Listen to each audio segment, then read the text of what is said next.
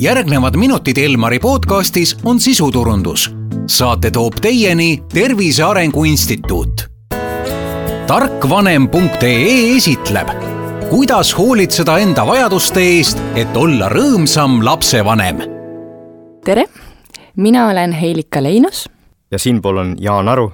täna räägime me sellest, kui palju peaksid lapsevanemad iseenda jaoks aega võtma miks on lapsevanematel üldse vaja enda jaoks aega, miks nad peaksid hobidega tegelema? sama aja võiks ju hoopis lapsega veeta.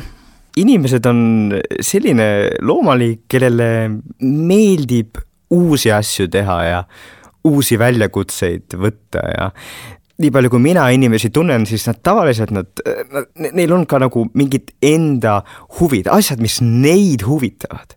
ja kui need täpselt kattuvad sellega, mis lapsi huvitab, ideaalne, täiuslik, aga ma ei ole veel sellist inimest näinud, kelle, kelle lõpuni kõik huvid kattuksid tema kolme ja viieaastase lapsega. on tähtis, et lapsevanem saaks teha oma asju, sellepärast et ainult siis on tal võimalik nagu ennast väljendada sel viisil, nagu tema tahab. ja, ja siis, kui ta, tal on see võimalus, siis tal on see lastega koos veedetud aeg ka parem, sest siis ta ei pea mõtlema selle peale, et ma tahaks teha hoopis midagi muud.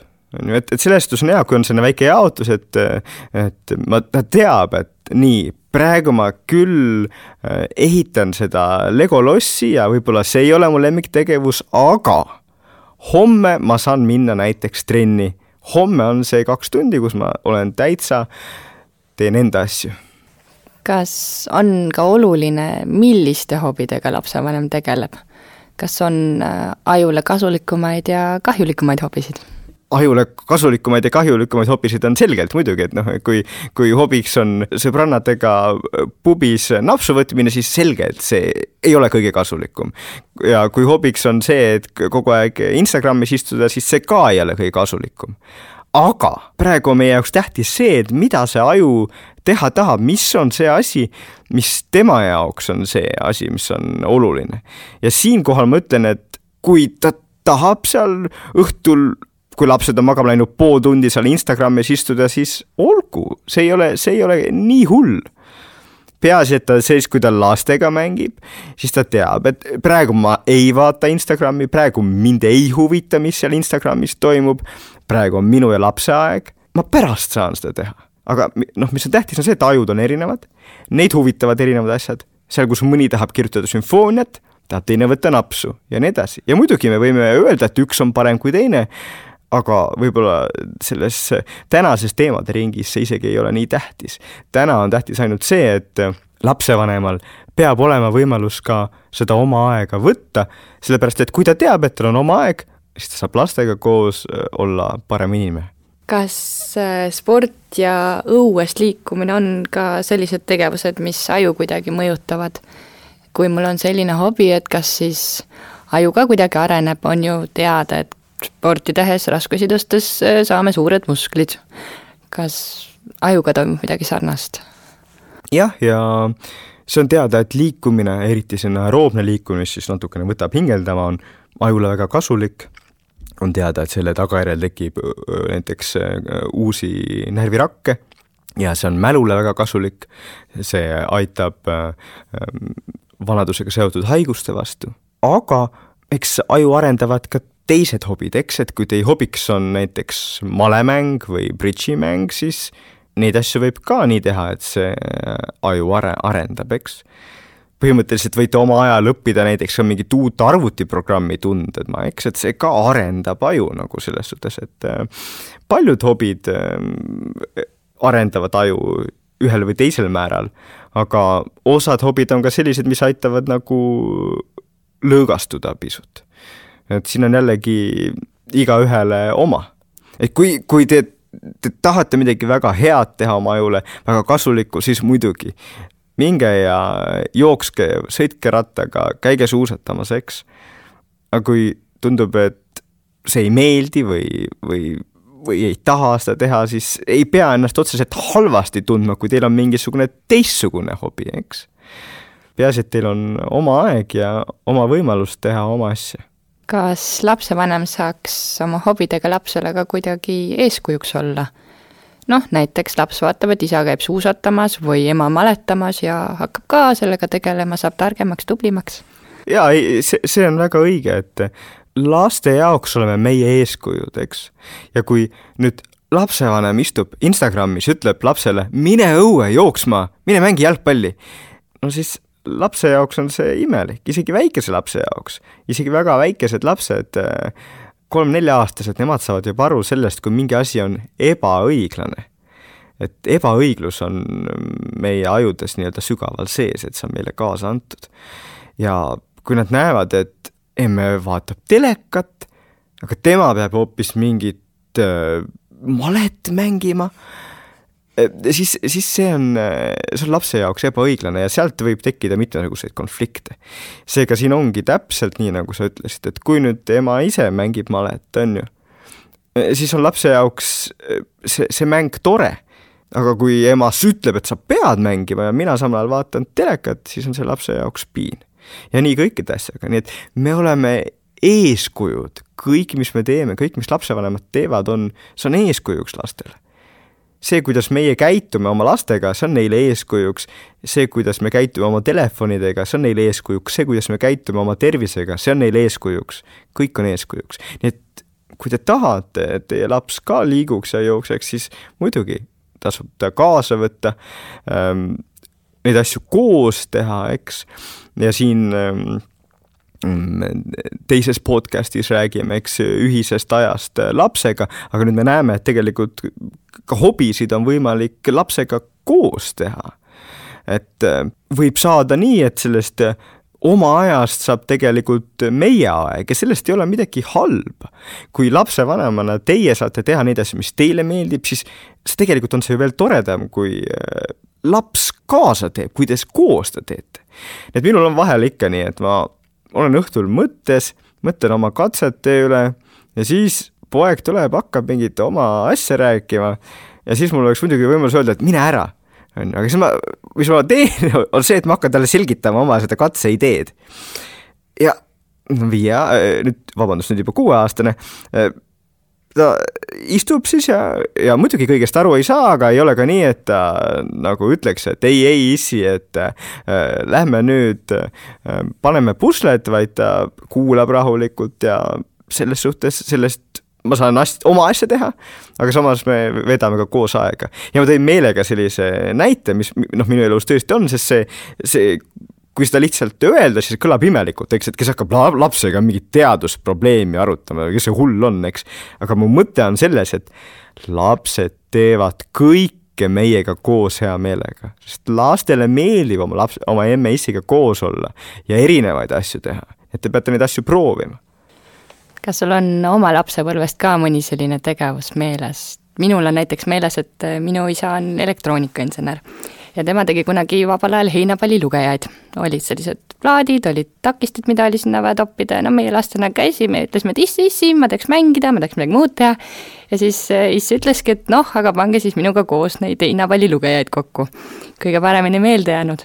saime isegi taskuraha lõpuks ja kõigil oli väga hea meel ja isa sai töö tehtud, et kuidas sinuga on, kas sul on ka midagi sellist olnud? Kusjuures ma, ma, ma pean vabandama, eks ma olen vana ka juba, et ega, et mul ei tule kohe midagi taolist meelde, see ei tähenda, et midagi taolist olnud ei oleks, aga, aga mulle väga meeldis sinu näide sellest, kus kahe peale saime ühe väga hea näite, mis ongi, et jällegi näide sellest, kuidas tegevus, mis toimub, tunduks nagu, et issand, mis see laps seal teeb või see ei ole lapsele üldse huvitav, mis on tegelikult lapsele nagu väga huvitav ja nii huvitav, et ta mitukümmend aastat pärast seda veel räägib sellest. Eks, on ju. Ehm, nii et ärge alahinnake lapsi, ärge alahinnake seda, mis lapsed teha tahavad, eelkõige ära ala, ärge alahinnake seda, et lapsed tahavad teha asju teiega koos. nii et kui teil õnnestub leida selline hobi, mis, mida saab ka lastega teha, siis miks mitte vähemalt proovida et uuringud näitavad ka, et mõned äh, lapsed liiguvad vähem kui vangid. kas võibki siis öelda, et nende laste vanemad äh, ka ei liigu, äkki siis nemad istuvad ka ainult teleka taga? Ma ei tea, võib-olla on seda ka uuritud, eks, aga nagu üldiselt, nagu me rääkisime, siis tihtipeale need asjad käivad tõesti koos, et lapsevanemad äh, peavad natukene olema äh, eeskujuks. Ja, ja, ja, ja tänapäeval on see selline surnud ring, kus, kus lapsevanem, ta on väsinud, ta tuleb koju, ta istub siis oma telefonis või teleka ees ja siis on kõige lihtsam ka sellele lapsele öelda, et no istu ka teleka ees, mine sul oma toas oma telekas, istu seal või istu oma nutiseadmes. Äh, ma saan sellest kõigest täitsa aru, mis on lihtsalt, ma arvan, et tähtis öelda, on see, et saab ka teisiti, jah. ja, ja kindlasti on tähtis öelda, et liikumine on tähtis, eriti lapse jaoks, eks. nii et kui teil on võimalik üht või teistmoodi see laps ka liikuma saada, siis, siis see oleks tore. aga jällegi, et see ei tohi olla nii, et teie istute teleka ja siis ütlete, mine nüüd jookse kolm ringi ümber maja, eks. kuigi muidugi väikeste lastega vahel töötab, töötab ka see, et tõesti saab väga energilisi lapsi saata ümber, ümber maja ringi jooksma, ringe jooksma, aga üldiselt peame meie olema eeskujuks ja selle ühe ringi vähemalt nendega ka koos jooksma mida võiks siis teha lapsevanem, kui talle tundub, et tal oma hobide jaoks enam aega ei olegi? jah, ega me midagi, midagi ju teha ei ole, eks, et meil on ööpäevas kakskümmend neli tundi. me ei saa väga palju aega ära võtma, võtta une pealt, sellest räägime me ühes teises podcast'is, eks. niisiis, meil on mingi piiratud aeg, kus meil on nüüd on töö, eks siis on meil lasteaeda või kooli sõit võib-olla, meil on söögi tegemine, meil on lastega aeg, aeg ja igaüks teab ju oma päevaplaani ise, et, et kust on võimalik seda aega leida, on ju. mis on tähtis, on siin ka öelda seda, et kui teile meeldib teie töö, kui teile meeldib lastega koos olla, siis ega nüüd ei ole sellest halvem lapsevanem, kui teil ühtegi hobi ei ole ja kui te väga palju ei liigu ka, eks. et see ei tähenda, et te oleksite halb lapsevanem, eks. on ju, lihtsalt, et kui teil nagu töö võib-olla ei ole nii tore siis, siis oleks vaja mingit sellist väljundit, mis, mis, mis, mis teile meeldiks. aga kui teile meeldib väga see kogu see aeg, mis te lastega koos olete, siis jälle ei ole seda vaja. et siin ei ole nii, et, et me lõikame mingi, et nii, kaheksa tundi und, kaheksa tundi tööd siis äh, neli tundi lastega ja siis ülejäänu vaatate ise, kuidas te erinevate hobide vahel jaotate, aga seal peab olema kindlasti ähm, kolmkümmend protsenti jooksu, kolmkümmend protsenti malemängu ja nii edasi, ei, te, te peate ise seda leidma, eks, te peate aru saama sellest, et äh, teie tunnete ennast kõige paremini, võib-olla ka teie kaaslane, teie elukaaslane tunneb teid hästi, et te, te peate leidma selle, et mis teid aitab nagu paremini hakkama saada? kui te tunnete, et teie elust on midagi puudu, siis tasub neid äh, erinevaid asju proovida ja kui te ei tea, mis teie hobi on, siis tasub ka erinevaid asju proovida, et ei ole nii, et kõigile meeldib jooks või kõigile meeldib rattasõit, inimesed on erinevad, eks. kas see võib kuidagi elu rikastada ka, kui hakata millegi täiesti uuega näiteks tegelema? Selge, selge, see on jällegi, ajule on hea, et siis kui me uusi asju õpime, siis on, siis aju areneb, eks, et kui me teeme kogu aeg sedasama, mida me iga päev teeme, siis aju on nii-öelda autopiloodil. et tal ei ole midagi vaja pingutada, kõik on lihtne, aga samas kõik on ka igav. nii et kui te siis võtate nüüd ette ja hakkate kolmekümne viie aastaselt või neljakümne aastaselt viiulit mängima näiteks, siis alguses on see väga raske teil on see, käed on pärast valusad ja nii edasi, aga see on täitsa kasulik ajule. ja samamoodi jooksma, kui te ei ole kunagi elus jooksnud, siis alguses esimene kord ja päevad pärast esimest korda on väga rasked, eks, aga see on kasulik teie kehale ja ajule ja, ja mina ei saa ette öelda, mida te peate või ei pea tegema, ma lihtsalt ütlen, et meie aju areneb siis, kui meie jaoks on raske, kui me teeme midagi, mis on väljakutse. kui me teeme kogu aeg lihtsaid asju, siis siis ei ole meil osa sellest ajust vajagi ehk. Kas äh, mõnikord võivad hobid ka stressi tekitada, näiteks kui me väga tahame väga head tulemust saavutada mõnel alal, aga aega ei kipu üleliia palju olema, lapsed on kodu, on ja, ja, et, et, et siin, siin sa puudutad õiget asja, et ega, ega hobid ei ole alati lahendus, nad võivad olla ka probleem et kui te, tõesti te tahaksite veel rohkem aega panna hobisse ähm,, aga te ei suuda, siis te olete kodus, sellepärast pahane, siis võib-olla on õigem lahendus hoopis seda, see hobi lõpetada, eks? Noh, mis, mis kõikide nende podcast'ide mõte on, on see, et te peate nagu leidma selle viisi, kuidas teie olete kodus oma lastega, oma elukaaslasega nagu kõige parem inimene ja kui selleks on vaja üks hobi ära lõpetada, siis te võite ka seda teha. aga kui selleks on vaja hobi juurde võtta, siis ka see on tähtis. kui nüüd äh, kuulajad peaksid midagi konkreetset sellest äh, pikast ja huvitavast jutust äh, enda jaoks kaasa võtma, siis mis see olla võiks? Noh, eks natuke see jutt ole ka olnud selline, et proovige ise ja tehke ise ja vaadake ise, eks. nii et see esimene põhiprintsiip ongi, et ärge kuulake mingisuguseid retsepte, vaid katsuge aru saada, mis on teie elus puudu või üle. ja vahel see vajab ka natuke katsetamist. ja teiseks, et katsuge aru saada, et mis on need asjad, mis teile tõesti pakuvad sellist tunnet, et te saate ennast väljendada ja kui teile tundub, et te kuidagi ei saa ennast väljendada, siis tasub proovida võib-olla neid asju, milles saab ennast väljendada, näiteks õppida lapsega koos ükssarvikuid joonistama või midagi muud, eks. kui te tunnete, et teil, teil on natukene sellist sees sellist äh, trotsi ja viha, võib-olla siis tasub, tasub teha sellist füüsilist trenni, kas äh, joosta või rattaga sõita, et natukene seda kõike nagu välja saada. Neid asju tasub proovida kui te tunnete, et te vajate rohkem meelerahu, siis te võite proovida mediteerimist, aga see ei ole ainus viis, et te võite proovida ka hakata kuulama näiteks klassikalist muusikat. Te võite proovida rahulikke jalutuskäike, kus te keskendute lihtsalt hingamisele, kus te vaatate teisi inimesi rahulikult. Te võite muid asju proovida. mõte on selles, et ärge, ärge unustage, et äh, hobisid on maailmas lõputult, vajadusel proovige erinevaid asju, aga kõige selle juures ärge ka unustage, et äh, pere ja lapsed on ikkagi veel tähtsamad, nii et äh, te ei taha saada hobide proovijaks, kes kõiki hobisid proovib ja selle kõrvalt oma lapsed unustab, eks. ja võib-olla see viimane asi, mida me ka mainisime, mis on väga tähtis, on see, et äh, pidage meeles, et hobid, liikumine ja lapsed ei välista üksteist kuidagi et on võimalik ka koos minna, koos joosta, koos trenni teha mm. -hmm. üks küsimus või teema on siiski veel, millest võib-olla võiks ka küsida. et äh, siit tuli nüüd välja, et äh, ühelt poolt on äh, hobid väga olulised äh,, teiselt poolt äh, nad võivad ka võtta pere ja lastega veedetud aega ära et mida öelda nüüd äh, lapsevanemale, kes tunneb süütunnet selle pärast, et ta võib-olla tahab kolm korda nädalas jooksmas või joogas käia, viiulit harjutada, lapsed ju ka samal ajal kodus ja tahaksid ka ehk tähelepanu. jah, ega inimene olla pole lihtne, ega lapsevanem olla pole lihtne. see on täiesti normaalne, et need äh, sellist äh, süütunnet ka on, aga mm, see suhtumine, mis peate võtma, on see, et kui mina saan teha natuke enda asja, siis ma olen kodus parem lapsevanem.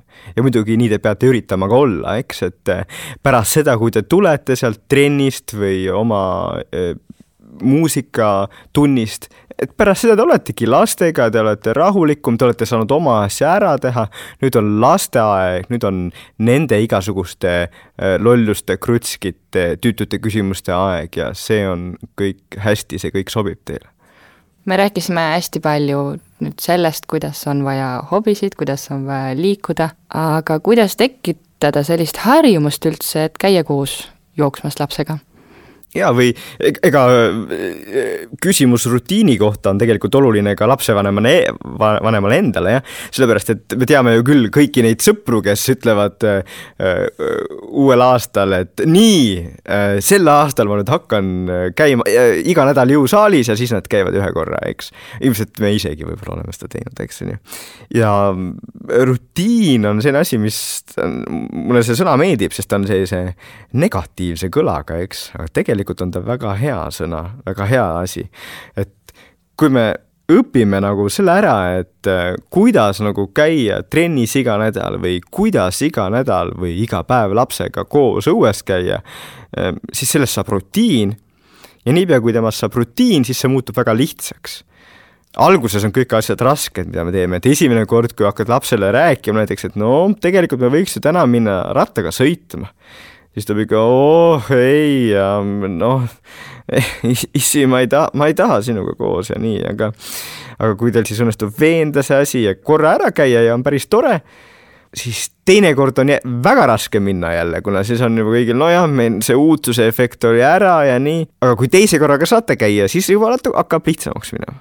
ja mingist hetkest on see rutiin juba, et te teate juba, et äh, nii, kell seitse. Me lähme korra issiga käime äh, ühe ringi rattaga sõitmas. Või kui lapsevanem on nüüd üksi, et ta teab, et tal on juba harjunud sellega, et nii, äh, kell seitse ma käin ühe ringi jooksmas. Ja sellest hetkest, kui on sisse kujunenud rutiin, et iga, iga päev kell seitse te teete seda, sellest hetkest on see palju lihtsam. Seega rutiin on selline asi, mis te nii iseendale kui ka oma lastega nagu tahaksite ka sisse seada. Te ei taha, et terve teie päev on üks rutiin, jah see oleks väga tüütu, see oleks väga igav, aga te tahate, et teatud rutiinsed asjad nagu aitaksid teil teatud asju teha, mis on rasked kõigil on raske minna jooksma, eriti kui väljas sajab ja on ligane ja lögane, eks. aga kui see on rutiin, siis on see lihtsam, sest te teate, et no ma teen seda igal juhul, eks. ja, ja, ja lastel äh, samamoodi. laste puhul on siis veel see, et äh, lastel, aga ka meil endal on siis tunduvalt lihtsam. noh, et ei pea mõtlema selle üle, et kas me täna lähme õue või ei lähe, vaid on teada, ja kell seitse me lähme isiga rattaga sõitma. et see teeb asja nagu äh, lihtsamaks. seega äh, lühidalt, rutiin kõlab vastikult, aga õigesti kasutades võib olla teie ja teie pere sõber. et kui nüüd äh, natukene süvitsi veel selle küsimusega tegeleda, siis mida teeb rutiin ajuga, et ühest ühelt poolt ta võib olla siis hea, et inimesel tekib rutiin, ta tegeleb positiivsete asjadega, teisest küljest öeldakse ju ikka, et äh, ah, see igapäevarutiin ja tüütu kas see võib olla ka kahjulik, näiteks juhul, kui inimene ei tegele piisavalt palju hobidega ja tal ei ole seetõttu piisavalt vaheldust? no ja siin on see, see, see, see, seda, mida me mainisime, et rutiinil on selline halb, negatiivne kõla ja rutiinil ja rutiinil on ähm, ka erinevus jah, et kui me ütleme igapäevarutiin, noh et, et kogu aeg on see üks ja sama asi siis see muidugi on negatiivne, kui kõik asjad, mis te päevas teete, on üks rutiin ja okei okay,, nii nüüd pesen hambad, nüüd loen viis minutit lehte, nüüd teen lastele söögi ja nii edasi, kõik on rutiin. siis see muidugi on tüütu, et nagu ma olen ka maininud, et inimese aju tahab midagi uut, midagi teistmoodi, eks. sellest on rutiin halb. aga teiselt poolt see rutiin aitab ka teatud asju nagu lihtsamalt teha nii et me võime rutiinist mõelda kui sellest, et ta on ajus nagu selline automaatprogramm. ta on mingi asi, mida me teeme mingil ajal, mingi, mingis keskkonnas ja see võib olla halb ja hea teatud olukorras, kui on vaja ikkagi õhtul see nõud ära pesta, kuna terve köök on ähm, musti nõusid täis, aga teil on rutiin, et te lihtsalt teete seda pärast seda, kui te olete lapsed magama pannud, siis ta on hea, eks. aga samas, kui teil on rutiin ehk harjumus nagu laste peale karjuda, kui nad pahandust teevad, siis see on halb, eks. nii et äh, rutiin ise ei ole halb või hea, sõltub sellest, milline rutiin millisel hetkel, eks. ma arvan, et see sai kaetud, aga küsime siis ikkagi Facebooki kohta ka, et äh, kas Facebookis või muidu nutiseadmes istumine võib ka olla üks kasulik hobi? kas ta kasulik hobi on, seda ma ei tea, aga ta võib olla selline viis, kuidas äh, enda aega veeta, et minu arvates mina, mina alati muidugi ähm, ütlen, et, et nutiseadmed on pigem nagu nutihävitusseadmed, eks, aga kui nüüd see ema või isa on oma töö ilusasti ära teinud, ta on lastega ilusasti kvaliteetselt aega koos veetnud, siis minu poolest võib ta rahulikult pool tundi seal nutiseadmes ka tühja olla, see on täiesti normaalne. Kui ta on terve päeva tubli olnud, siis, siis ta võib see pool tundi sinna panna, see, see ei ole, see ei ole nagu mingisugune probleem. probleem on siis, kui see nutiseade on kogu aeg juures, siis kui me lapsega mängime, eks, sest siis ei, ei ole te la-, lapse päralt, see on probleem ähm,. nii et ähm, Facebook, Instagram, sotsiaalmeedia, kõik, kõik need asjad on, need on meie ajule väga mõnus ja nad haaravad ähm, meid endasse minu jaoks ainult tähtis, et äh, nad ei haaraks seda aega, mis me võiks oma lastele ja lastesse pühendada